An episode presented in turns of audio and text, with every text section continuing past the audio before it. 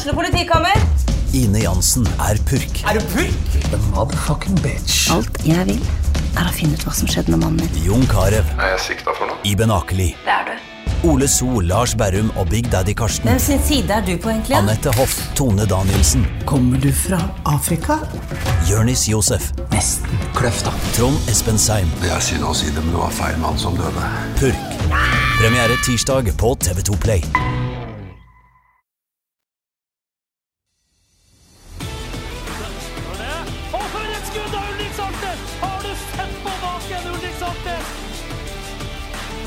Skåring, og så skårer Bodø-Glimt.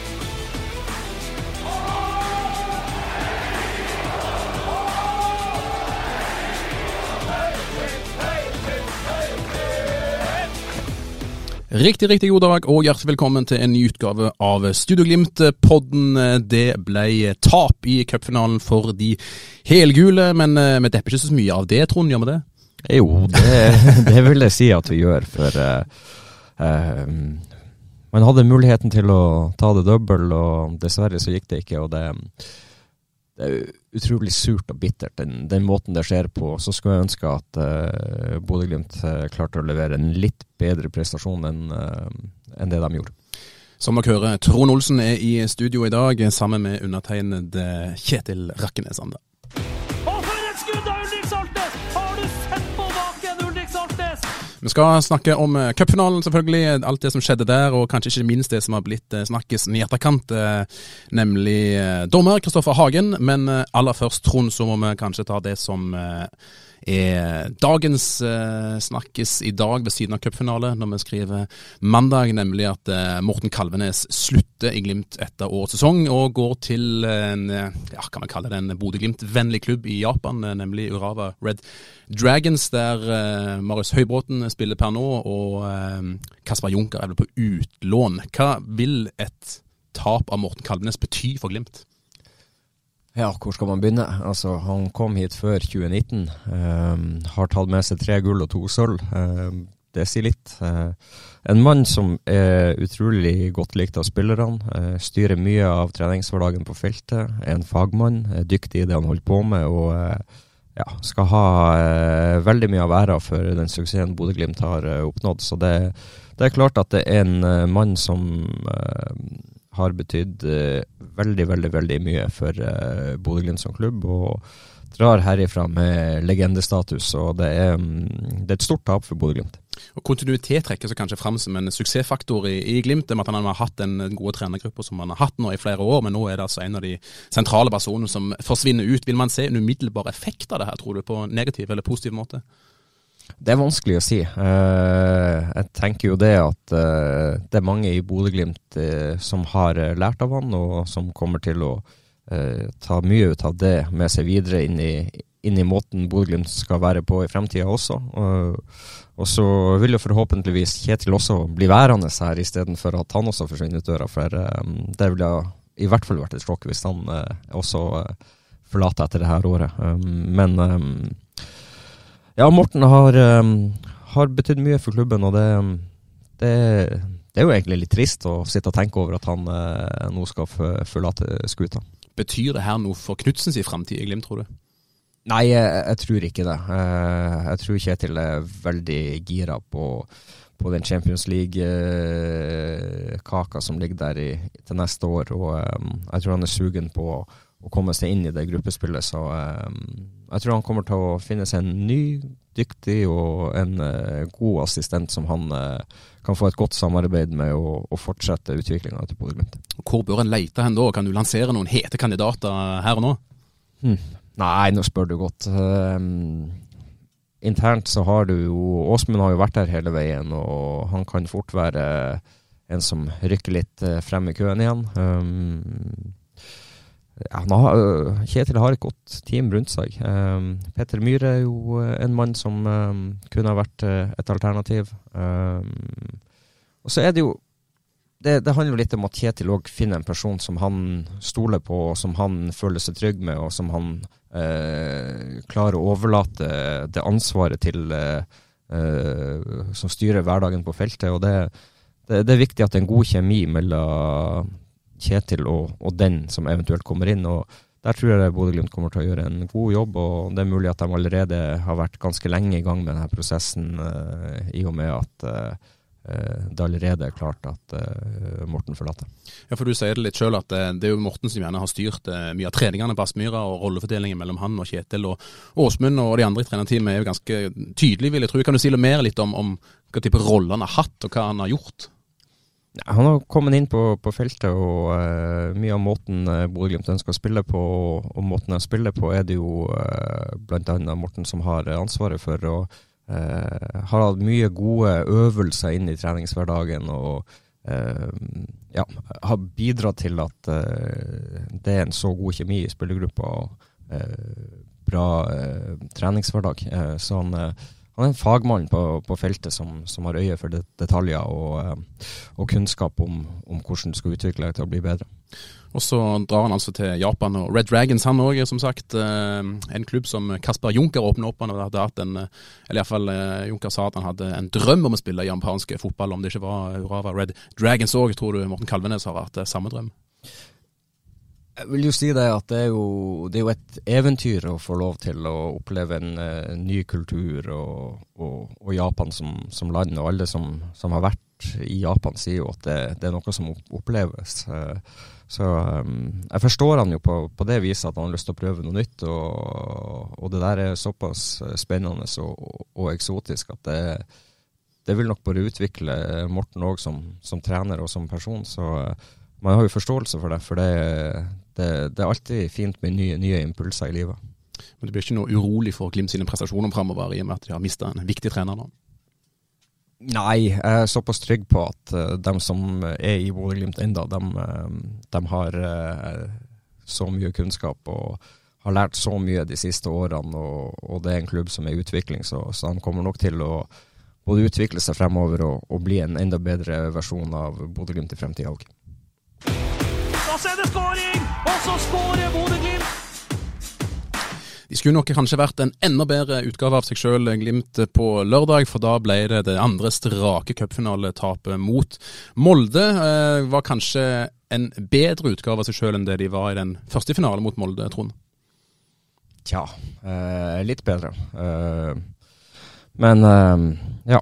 Eh, Bodø-Glimt har, uh, har, muligheten til å ta ledelsen 1-0 med, med, muligheten eh, Pelle kom, kommer til. Den, det er en stor sjanse som, som, han bør sette. og Hadde han satt den, så, så hadde det vært et helt annet Ja, en helt annen kamp. Um, Molde kommer ut og, og, trykker til i starten, og det er noen tøffe dueller og, og litt trøkk der. og uh, Jeg syns kampen starter veldig artig. og Eh, med intensitet, og, og, det, også dabber det litt av. og eh, Molde får den mer i sitt spor, og, og Bodø-Glimt klarer aldri å eh, sette sitt eh, preg på kampen. Vi skal holde dette som har med dommer å gjøre utenfor inntil videre, for vi får en spennende gjest om litt som kan si litt mer om akkurat det. Men en ting som vi må prate litt om, Trond, det er jo målet som Glimt slipper inn. Noen peker på Brede Moe, noen peker på Julian Feie Lund, noen peker på begge. Hva vil du si? Begge. Uh, Brede skal, skal, ikke slippe, slippe oh, Nå står navnet på han stille. Gulbrandsen uh, til på den muligheten der. Uh, så det, det, det, er en svak jobb av, av Brede. men det keeperspillet er langt ifra godt nok. For det første skal han gå ut der, så må han gå i duellen og prøve å ta ballen. Nå forlater han målet og, og, og, og stiller målet åpent, så det er vær så god, trill ballen i det, i det tomme målet. og det jeg syns det er en merkelig avgjørelse av, av Julian der, at han velger å ta det steget ut til sida der og åpne målet såpass. Hadde han bare blitt stående der, så, så har han tatt den ballen. Så det, det, det er begge sin si skyld, og det, det, må de bare ta på si kappe. Litt typisk at en sånn kamp blir avgjort på den måten òg? Ja, det er det. Og det, det, det, det er ofte Finaler blir ofte eh, avgjort på tilfeldighet, og nå får du en, en, kjempetilfeldighet som, uh, som, Molde tar vare på. Jo, Jeg var inne på Amal sin sjanse. Det er også en tilfeldighet at den sjansen dukker opp. Uh, og når han ikke tar vare på den, så, så blir det ikke en skåring. Så det, det, du, du, ser det, det er tilfeldigheter som gjør at du kommer til de sjansene. og eh, Molde tok vare på sin, Bodø-Glimt gjorde ikke det. Hva er det ellers som avgjør finalen? For det er jo ikke ekstremt mange sjanser å skrive hjem om for, for Glimt sin del. Hva er det som gjør at eh, man ikke klarer å produsere flere sjanser, og ikke klarer å skåre mål? Nei, det er Molde er flink til å stykke opp kampen, lage mye frispark. Eh, frustrere Bodø-Glimt. Eh, ødelegge rytmen til Bodø-Glimt. De, de, klarer aldri å få, få satt sitt eh, skikkelige preg, preg, på den. Og så er det jo noen avgjørelser som, som er, ikke går helt i favør Bodø-Glimt. Eh, den skal vi komme inn på etter hvert. Um, ja, eh, så totalt sett så, så syns jeg Molde vinner det fortjent i forhold til uh, den kynismen og uh, den klokskapen de går inn i, i finalen på. Uh, skulle ønske Bodø-Glimt klarte å vise litt mer. Jeg syns det er litt for mange spillere som, som ikke er på til, til, til dette oppgjøret. Hvordan forklarer du det? Nei, det det er vel litt den nervøsiteten og eh, ja, eh, anledning at den blir såpass stor som, som gjør at eh, det kan prege noen. Eh, og så eh, er det kanskje en bane som ikke passer alle. Eh, så syns også det taktiske underveis i kampen Det går litt for lang tid før man, før man gjør bytter. Jeg syns ikke um, verken Nino eller Farris eller Pelle har noe særlig god kamp. Bris også, ikke en all verdens kamp. Uh, uh, Fredrik prøver, men det blir liksom ikke det helt store, så jeg skulle gjerne ha sett at du i hvert fall gjorde et bytte på topp med Farris og, uh, og Kapskarmo inn. Nino skal være tatt av før, og Sørli eller Gulliksen inn på, på den kanten. Pelle er unnskylder litt, for han er en sånn mann som kan dukke opp og skåre ut av ingenting. Og jeg skjønner at han vil beholde han på banen, så, eh, så ja. Men det at de starter med Sugell foran Sørli, eh, var du overraskende når du så det laguttaket? Nei, egentlig ikke. Det, det var det var litt sånn 50-50 om hvem de starta med, og jeg er ikke overraska over at uh, Sugell starta. Uh, en bra spiller, men kanskje enda bedre når kampene åpner seg litt mer og det blir eh, litt mer rom og får brukt farta si mer. Um, det som overraska meg mest, det var jo stoppeplassen. At Isak fikk muligheten fra, fra start. Uh, jeg syns Isak gjør en god kamp og uh, viser at han, uh, han kan bli et klart førstevalg for Bodø-Glimt på sikt. Hvordan tror du Knutsen forklarer det, at han starter med, med Amundsen? Det har jo Bjørtuft og, og Mo vært et radarpar egentlig hele sesongen? Ja, men så kom Isak inn uh, i forrige kamp, fikk muligheten der og uh, gjorde en god figur. Uh, og kanskje um, det handler litt om den måten å ta med seg ballen fremover på og, og prøve å være litt tøff i trynet. Og jeg syns Isak gjør, det, gjør, en god kamp. og og viser at han absolutt bør få starte fotballkamper. Så, så det, det, valget der er, er, helt greit, og var ikke noe, ingenting å, å klage over på det valget. Jeg har lyst til å snakke litt om banen òg, som du var litt inne på. Jeg tenkte for min egen del før finalen at jeg tror det er to ting som kan være avgjørende her. Det ene var Feie Lund, og det andre var banen. Og det var vel eh, i hvert fall en, om ikke flere eksperter, som var ute i forkant av finalen og sa at ei dårlig matte det var en klar fordel Molde. Eh, for Glimt er jo gjerne avhengig av å ha en, en god og rask eh, bane, som vi har snakket veldig mye om før. Hadde denne kampen her blitt annerledes hvis det hadde vært en bedre bane?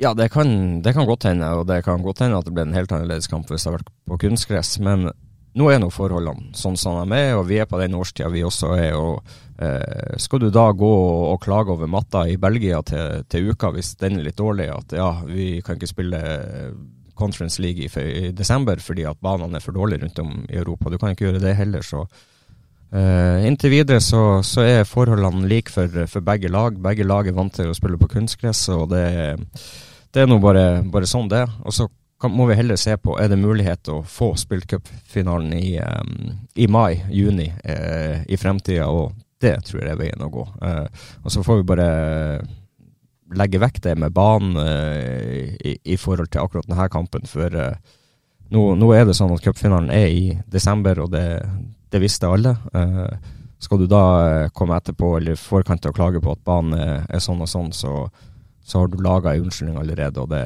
det er man ikke tjent på. Men har, har Glimt eh, blitt for avhengig av eh, et spill, eller har de begynt med et spill der de er for avhengig av en god bane? Man så jo òg i Bergen at de hadde jo store problemer der, trenger ikke bare være banen sin skyld det. Men, men, men, er man blitt der nå at det spillet Glimt er for avhengig av en rask og god matte? Uh, til dels, ja. Uh, de trenger nok uh, en bane som, som, passer dem bedre enn en bane som, som, tar ned tempoet litt i kampene. Ja, det, det tror jeg nok passer Bodø-Glimt mye bedre. men de har visst at de kan spille god fotball på, på litt dårlig humpete baner òg, og så er det bare å få orden på der. og Det, det er noen mentale utfordringer de må, må, knekke i forhold til at banene er litt tregere og, og, og, litt dårligere. og Så um, tror jeg det de får, uh, får, tenke på, er at de må håndtere begge deler. og det, det skal et såpass bra lag som, som Bodø-Glimt. Det, det, er jo ikke noe i veien for at motstanderlag klarer å håndtere en uh, bane som ikke går like fort. Det er altså nok et finaletap, da. Eh, nok et finaletap mot Molde. Er ikke Glimt god nok når det gjelder? Nei, de har ikke vært gode nok i de uh, to cupfinalene de har vært i de, de seneste årene. og uh, det, det, må man bare erkjenne. Og så er det klart at vi får håpe at det blir en, en ny finale snart, og, og får en revansj for alle, alle gode ting er tre, er ikke det de sier? Helt rett. En ting som eh, er hyggelig da etter helgen, det er jo uh, igjen den hyllesten som Glimt-fansen skal få. Det verserte jo noen uh, bilder og videoer allerede fredag kveld fra det gigantiske teltet på Jungstorget. Og så eh, sier jo de som var til stede på Ullevål òg at det var om Molde vant kampen på banen, så vant iallfall Glimt-fansen kampen på tribunen. Hvordan opplevde du det? Du var ikke der sjøl, men du så det vel hjemme?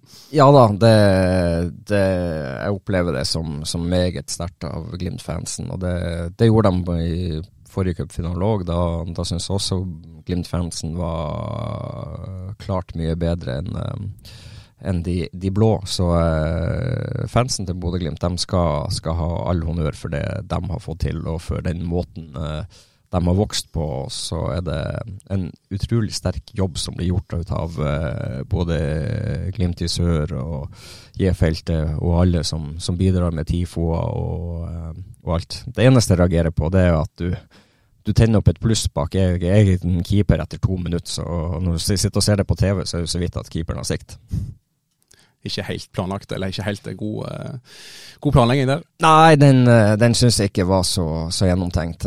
Det, og så vet man jo også alle de diskusjonene har vært med det, så det, akkurat den syns jeg ikke var så heldig. Nå kommer det jo en svært viktig kamp på torsdag, som vi kommer tilbake til litt etter hvert. Men vil den cupkampen her prege den kampen på noen måte, tror du?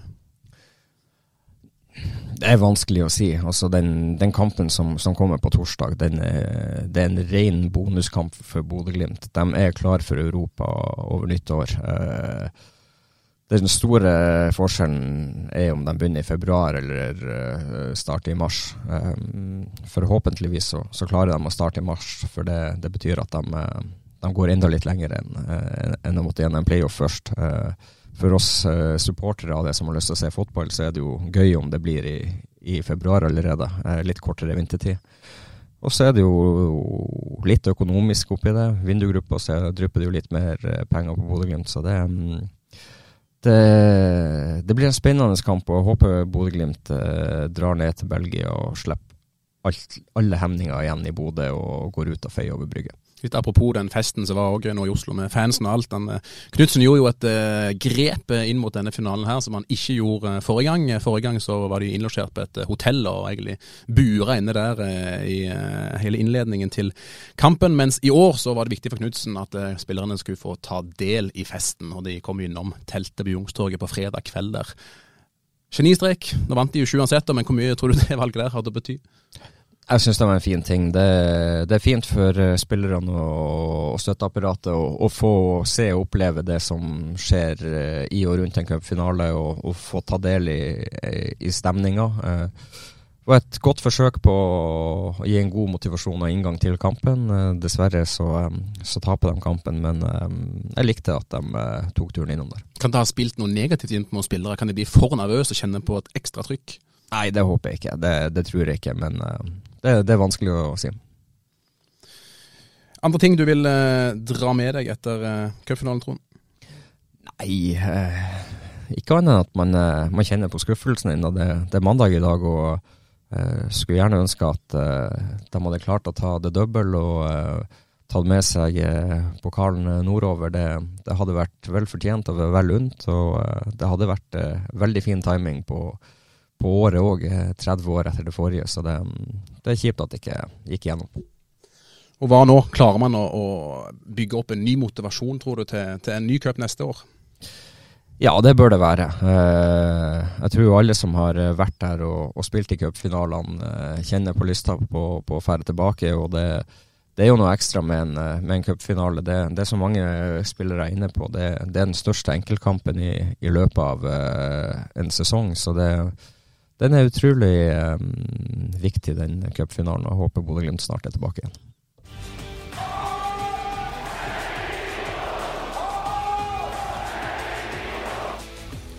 Så er det kanskje det som mange har sittet og venta litt på fram til nå, eh, snakkes denne etter cupfinalen, nemlig at eh, det ble litt eh, ja, styr rundt dommer Kristoffer Hagenes. Eh, skulle ha dømt et straffe etter ti, ti minutter på overtid, eh, mener flere. Og så er det òg det her med at han ble avbilda på byen sammen med en Molde-supporter etter kampen. En til å kanskje snakke litt om det, er jo en tidligere toppdommer i Norge, Svein Erik Edvardsen, som skal prøve å få ringe opp han og ta med oss.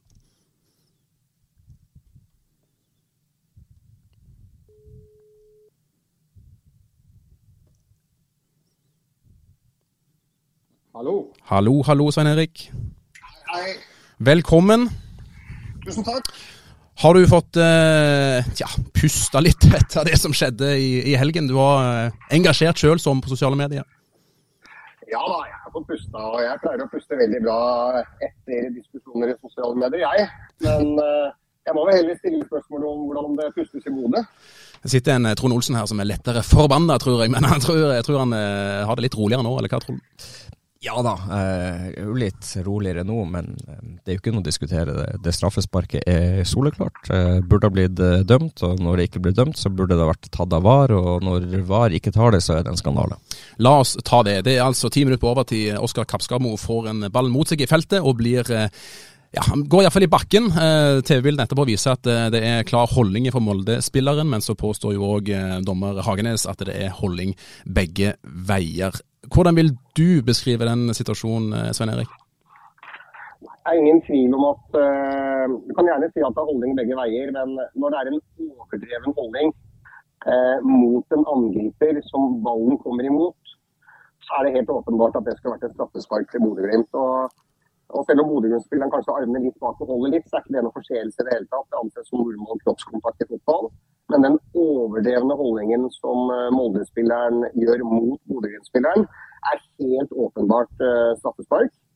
Og som helt riktig som Trond sier, når da dommeren ikke tar det For vi må jo legge til grunn at han ser det så lenge han uh, varsler det ut. altså Han kjører armene rett ut og sier spill videre. Så må vi legge til grunn at dommeren har sett det, selv om jeg syns han varsla veldig veldig tidlig. Nesten før situasjonen var ferdig, så mente Hagenes at det ikke var noe forseelse. Men det kan være vanskelig på banen å få overtid i cupfinalen og alt sånt. Så det dommertekniske, selv om det også sto til stryk, det får vi kanskje legge litt uh, som en parentes i en sånn type kamp. Men at var Tom Harald Hagen, som er en av de mest erfarne dommerne i Eliteserien, ikke anbefaler Hagenes å ta en kikk på skjermen, det er for meg helt uforståelig. For det er jo nettopp sånne situasjoner, åpenbare feil, uansett kamp og uansett tidspunkt, som VAR skal gripe inn i forhold til. Så Hagenes eh, gjorde en feil på banen der og da. Og Hagen gjorde en grov feil som ikke anbefaler Hagenes å sjekke det en gang til på skjermen. Men det går jo, eh, som, eh, som Hagenes òg sjøl sier, bare ti sekunder fra var, til VAR konkluderer at det, det, ikke er noe verdt å, å, se på. Er det for kjapt, Trond? Ja, absolutt. Og nå har det jo vært diskutert når det gjelder VAR før i år at det har tatt for lang tid.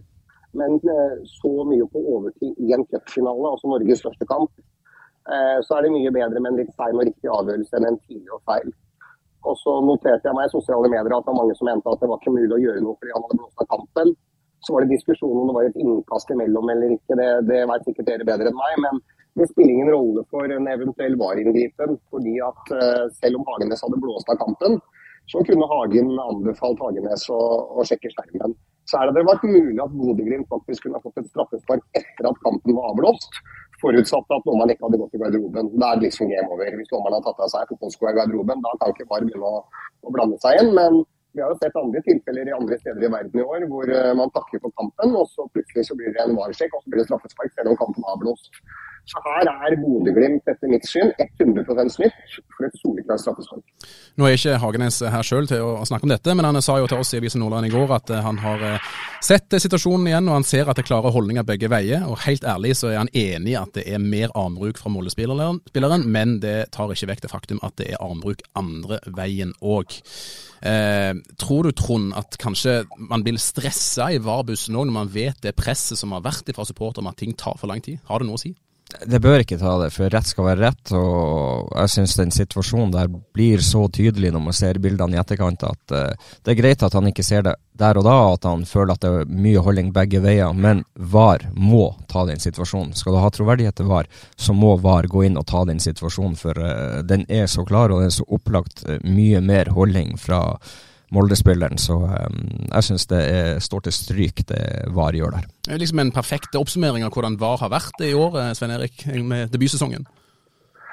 Nei, det har jo ikke funka i det hele tatt. og Det er jo to grunner til det til mitt syn. Det ene er jo at det er litt sånn light-versjon. At man har litt for få kameraer på enkelte stadioner.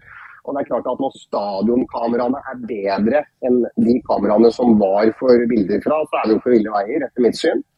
Og så er Det jo, det gjelder jo ikke alle arenaene, eh, men på de arenaene hvor det er tilstrekkelig antall kameraer, så grunnen til at det har blitt feil der, synes jeg, er jo fordi at dommerne har ikke en ensarta oppfatning om hva som anses som en clear and obvious error. Hvis man ser på Champions League, da gjøres det feil der også, men jeg tror jeg kanskje har telt to-tre feil i Champions League hele denne sesongen. og Nå nærmer vi oss eh, slutten på matchdagene. Mens i Eliteserien så har det nesten vært rør eh, hver runde. En eller annen situasjon som har blitt diskutert, hvor VAR ikke har fungert som man skal. Så det koker ned til etter mitt syn at det er for svake menneskelige ressurser når det gjelder kompetanse, og at det er for få kameraer enkelte steder, og at man da ikke eh, har en ensartet oppfatning om når VAR skal gripe inn eller ikke. Men det er klart at vi, Hvis du tar Bodø-Glimt-situasjonen nå, da, når VAR ikke griper inn på eh, den klare holdninga i cupfinalen, så er det umulig å forstå at VAR griper inn og ballen sprekker opp i armen på en, en vanlig seriekamp. ikke sant? Mm. Fordi, og Det er ikke noe unnskyldning at Bodø-Glimt-spilleren holder litt, og det, han ene holder mer enn han andre. altså Man må jo se hvor ballen er på vei. Ballen er på vei mot Bodø-Glimt-spilleren, som er revet over ende. Det er et soleklart straffespark, uansett om Bodø-Glimt-spilleren holder litt i forkant. Det blir akkurat det samme som hvis det er en corner, og så er det en liten holdning på fremre stolpe så eh, bør det ikke blåse straffespark for holdning. Men hvis Jon Olsen skal gå opp og helle og han blir holdt nede, så må det selvfølgelig blåse straffe. Så det har litt med spilleforståelse å gjøre også. Det er jo ingen grunn til at den Bodø-Glimt-spilleren skal legge seg på ryggen når ballen er i uh, retning mot ham. Uh, Hagenes dømte jo uh, Bodø-Glimt-Molde på Aspmyra tidligere i år, og da ga Hagenes Molde sin keeper et ja, soft uh, rødkort. Tror du det har hatt noen innvirkning på finalen? Nei, det tror jeg ikke. Det tror jeg ikke. Det kan, selv om du har dømt de samme lagene tidligere og får en ny sjanse i en cupfinale. Så den, det er, nei, så proft er nok både Hagenes og de andre dommerne at det tror jeg ikke har noe å si i det hele tatt. Det er rett og slett en grov feilvurdering til Hagenes som tar avgjørelsen for raskt, etter min mening. Hvis man ser på kroppsspråket hans, som jeg sa i stad, at det er jo helt skandale, som Trond også sier, at uh, Tom Harald Hagen ikke bryter inn som var. Fordi det er nettopp sånne situasjoner VAR må ta. Det er fryktelig mye å tenke på, som du også sier. da, Svein Erik. Altså, det er mye som eh, Hagenes skal, skal, tenke på i hodet sitt eh, når det der eh, skjer, som du beskriver sjøl. Er det mulig å frede den litt òg, eller er det kanskje derfor man har VAR, som skal inn og, og være som en slags som, som en fallskjerm eller sikkerhetsnett? Jeg syns det kan være altså, det kan være vanskelig for Hagenes å blåse straffespark for holdning på overtid i en cupfinale. Det, det, forstår jeg. Men samtidig så er han satt opp til den kampen fordi dommeravdelingen i fotballklubben mener han var skikka til å dømme den kampen. Og Uten sammenligning for øvrig, men Simon Marslak dømte vel en to-tre straffespark i VM-finalen i fjor uten VAR. Og Nå skal vi ikke sammenligne Marslak og Hagenes, for de er på forskjellig nivå. Men det er den største kampen i Norge som Fotballforbundet setter opp Hagenes på. og Da må vi forvente at han er tøff nok til å dømme sånn type straffespark. Men igjen, nå gjentar jeg meg sjøl, men jeg la veldig merke til at han bestemte seg nesten før situasjonen var ferdig at det ikke skulle være straffe. Hvis man ser på kroppsspråket til dommeren, så kjører han armene rett ut, eh, loddrett, og viser at dette er ikke noe å blåse for. Så jeg mener jo at han tar avgjørelsen for tidlig, nesten før situasjonen er ferdig. Men igjen, uavhengig av Hagenes, så er den største skandalen her at Tom Harald Hagen ikke anbefaler Hagenes å se den situasjonen en gang til. Så jeg er ganske sikker på at hvis Fagernes hadde løpt ut til Sverige og sett det vi så, så hadde han blå straffe. Mm. Nå har vi ikke Tom Harald Hagen her, eh, men vi har spurt om eh, dommersjef eh, Terje Hauge kunne uttale seg. Det har vi spurt om siden lørdag, og foreløpig heller ikke fått kontakt med Hauge sjøl, så har vi fått opplyst om det. Men det er jo ikke bare straffesituasjonen som eh, får oppmerksomhet, det er jo òg et eh, bilde som ble tatt eh, i Oslos gater, eller et telt i Oslo seint om natten natt til søndag. For da dukker det altså opp et bilde av nevnte Hagenes i lag med en Molde-supporter. Og det har jo fått blant andre deg, Sven Erik, til å reagere i etterkant. Hva er det som er så galt med dette?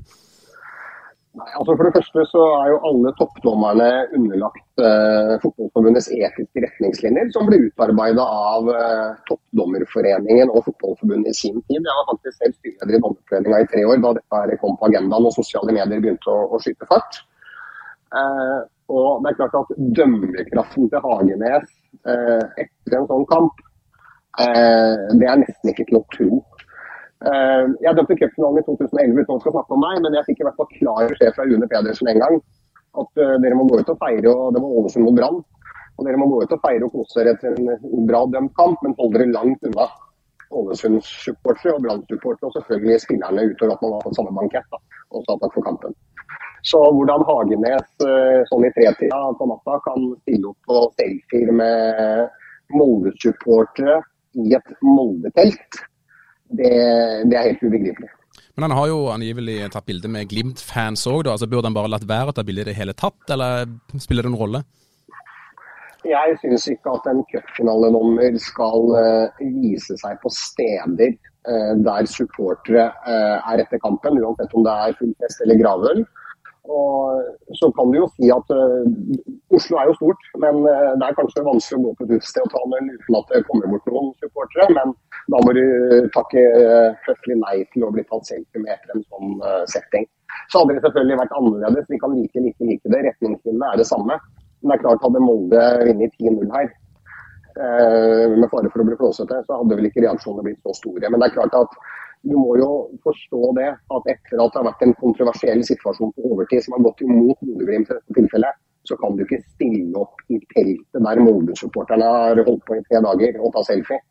Det, det er så stikk i strid med retningslinjene altså de etiske retningslinjene for fotballdommere som dette er mulig å få.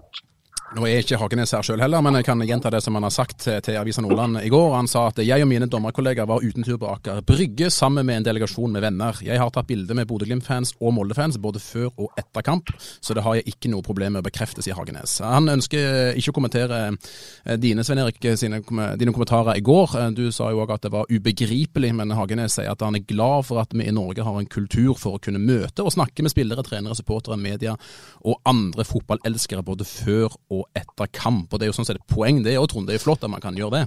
Ja da, det, det, det er flott og fint og, og, alt det der, det. Men her må du jo se at det var en såpass stor eh, situasjon på overtid som mest sannsynlig påvirka resultatet i favør Molde. Og når du da stiller opp på det bildet der som angivelig er i Molde-teltet, så blir det en sak ut av det.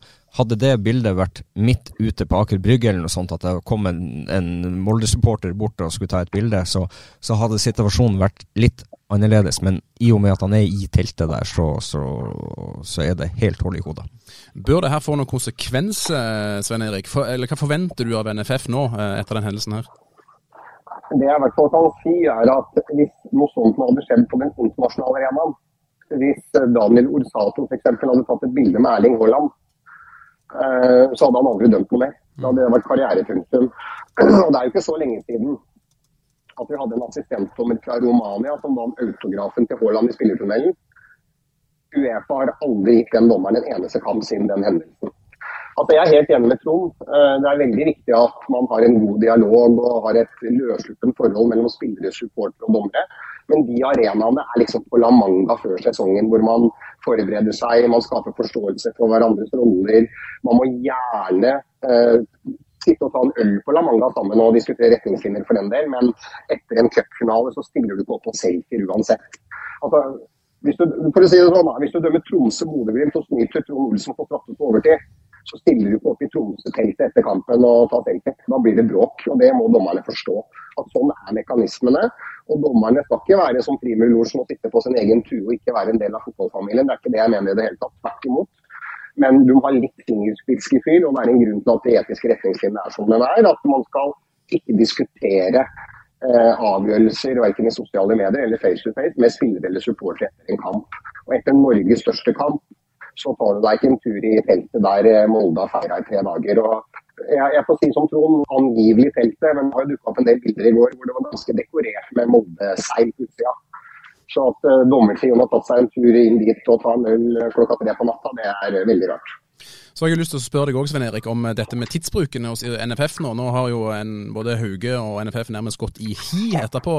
Eh, vi i Avisa Nordland har prøvd å få Hauge tale helt siden lørdag. Eh, søndag begynte vi å ringe egentlig hele kommunikasjonsapparatet i NFF, og det samme har vi gjort i dag, uten noe svar. Hva tenker du om det?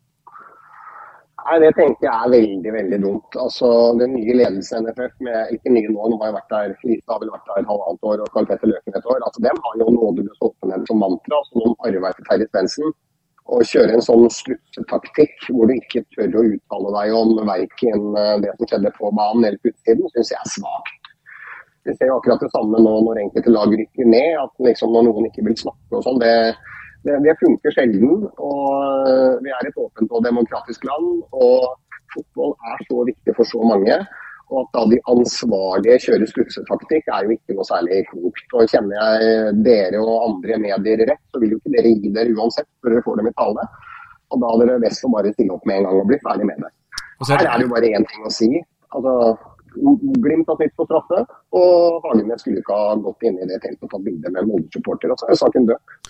Så blir det jo fryktelig mye prat om det her i sosiale medier, og sikkert i eh, interne lag òg. Trond, hadde ikke NFF vært tjent med å gå ut og bare og, og legge seg flat, eller iallfall gi en kommentar for å, å, å, stoppe alt det snakket og stoppe spekulasjoner som har oppstått etterpå? Jo, absolutt. De uh, kunne nesten ha vært ferdig med den saken her i, i går ettermiddag og, og, få det ut av verden. Uh, og så er det jo eh, Sosiale medier er jo dessverre sånn at uh, det blir jo uh, Du blir jo uthengt, og det blir en jakt etter, etter hvert på, på, det. Og det blir uh, reposta det bildet gang på gang på gang, så du blir jo ikke ferdig med det før, før du har fått dem i tale. Og så Ja.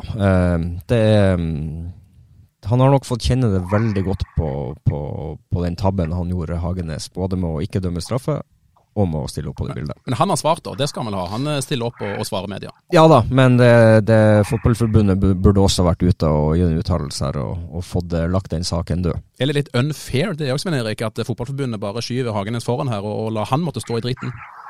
Ja, jeg syns det. Eh, altså, vi hadde jo vært en klar De ti årene Rune Pedersen var dommersjef, så sa jo Jeg dømte jo feil mange ganger, jeg. Og da sa han at du må bare gå ut med en gang. Så må du gå ut og fortelle ditt syn, og så må jeg fortelle hva jeg mener fra et faglig ståsted etterpå. Og Det er jo flere situasjoner jeg bomma på hvor jeg ikke ble at fra min posisjon var det sånn og sånn, men når jeg ser på TV-bildene så ble det feil. Og så gikk Rune Pedersen ut etterpå og sa at dette er altfor dårlig. Edvardsen han på karantene neste runde. Mm. Og så er vi liksom ferdig med den saken. Mens nå lever det og lever det og lever det fordi man kjører fullstendig. Vi skal fortsette å jakte på både Rune Hauge, Terje Hauge og NFF med, så vær sikker på at eh, de får ikke fred fra oss helt ennå. Før vi slipper deg, Sven Erik, så må jeg jo benytte muligheten når du er her òg. Eh, du er med din medkompanjong i studio her, eh, Trond Olsen. som Dere har sikkert hatt deres diskusjoner på banen, dere to. Kan jeg spørre, hva, hva er dine minner etter å ha dømt Trond opp gjennom årene?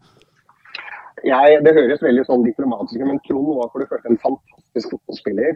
Eh, det var en fryd å dømme han både på Rosenborg og i Bodø-Glimt, som jeg fikk eh, gleden av å oppleve. Og jeg opplevde at i starten da jeg var ung, så tror jeg nok Trond syntes jeg var en arrogant drittunge. Men, eh, og det var jeg jo òg.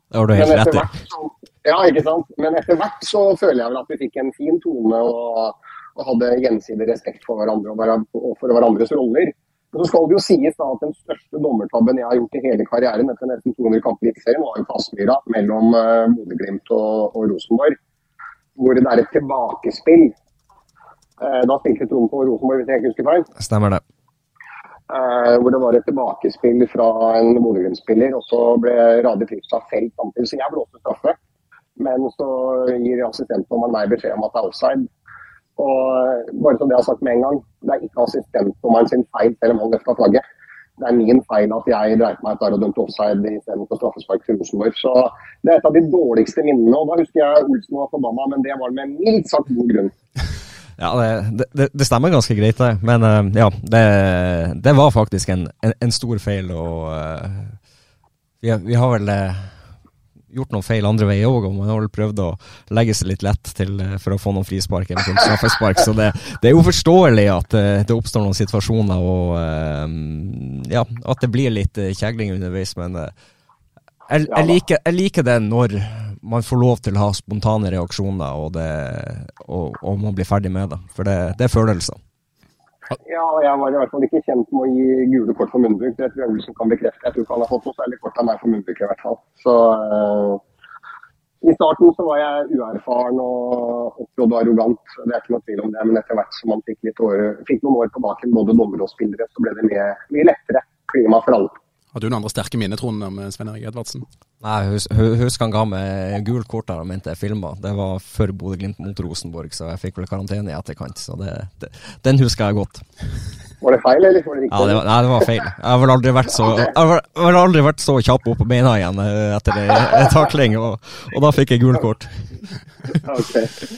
Ja, Det er veldig bra. Jeg skal si tusen hjertelig takk Svein Erik, for at eh, du var eh, med. Vi hører kanskje mer fra deg etter hvert? Det kan godt hende. Jeg fortsetter som uh, dommerekspert. jeg vet jo, Så får dere stå på videre. og Så får vi håpe vi får en endelig faglig konklusjon på situasjonen på Ullevål, selv om vi for så vidt er enige om den. Det skal vi gjøre vårt ytterste for å få tak i. Tusen takk skal du ha, Svein Erik. Ja. På gjenhør. Ha det bra. Ha det. Og for et skudd av Ulrik Saltnes! Har du sett på baken, Ulrik Saltnes? Klar tale det fra en gammel kollega. Trond, eh, alltid hyggelig å ta opp gamle minner? Ja da, det er det. Og det er jo, det er jo rett som man sier. Eh, den, eh, den, situasjonen der på Ja, når jeg spilte for Rosenborg og Stian Teting spiller ballen tilbake til det til ja, vår estiske venn Pavel Londak. Ja, Londak. Pavel Londak og Rade springer igjen og blir felt, og det blir dømt offside. Det, det er kanskje en av de større feilene jeg har vært med på å oppleve på, på fotballbanen. Eh, for den var så klar og, og opplagt. Eh, men ellers eh, jeg er veldig enig med han i, i, det han sier i forhold til det her med cupfinalen, og at det er svakt av både dommer og VAR-bussen i, i, den situasjonen, i forhold til at Glimt ikke får straffe og VAR ikke går inn og, og tar den. Det, det er en dommerskandale av flere.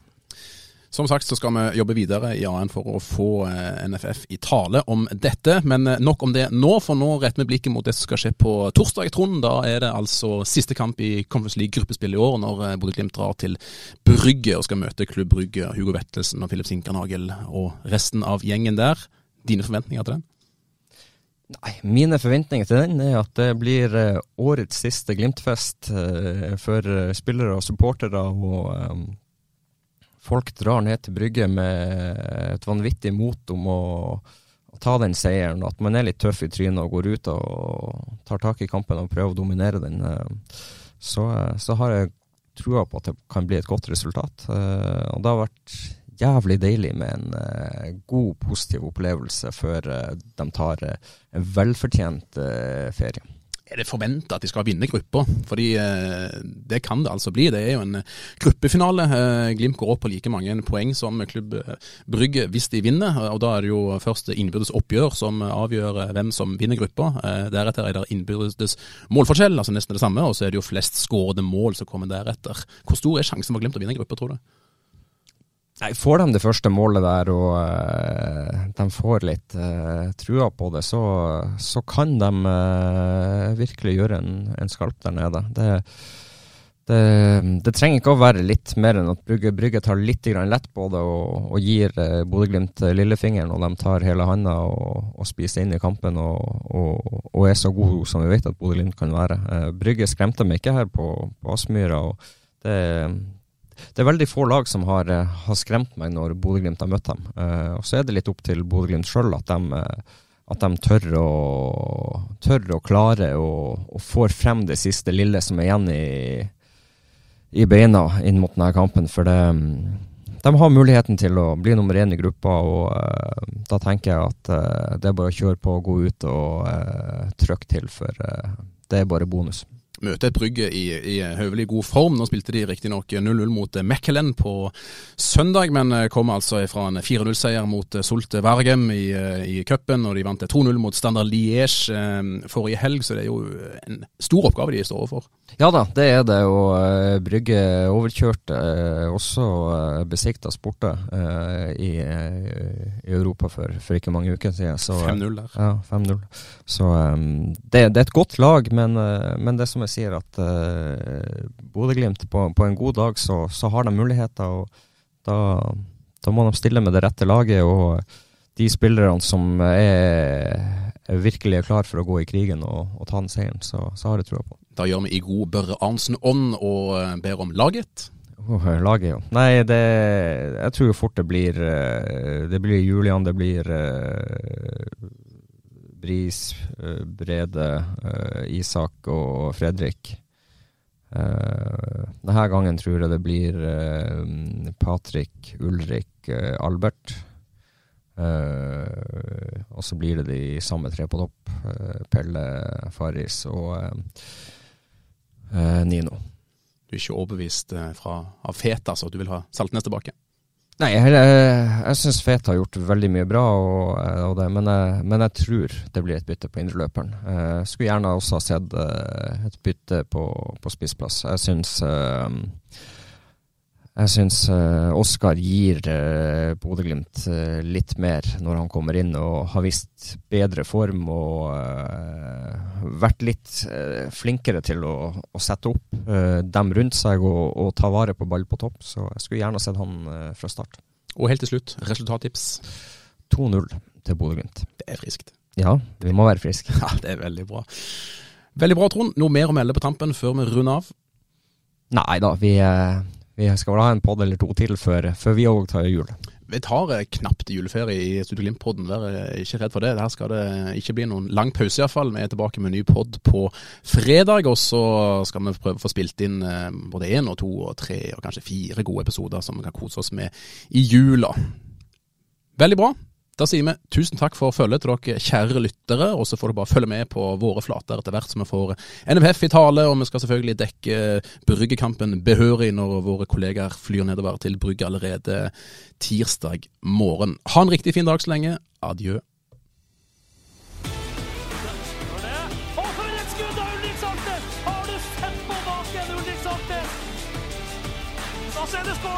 Og så skårer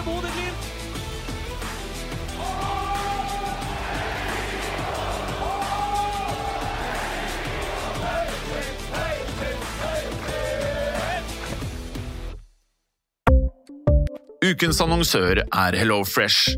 HelloFresh er verdens ledende matkasseleverandør og kan være redningen i en travel hverdag.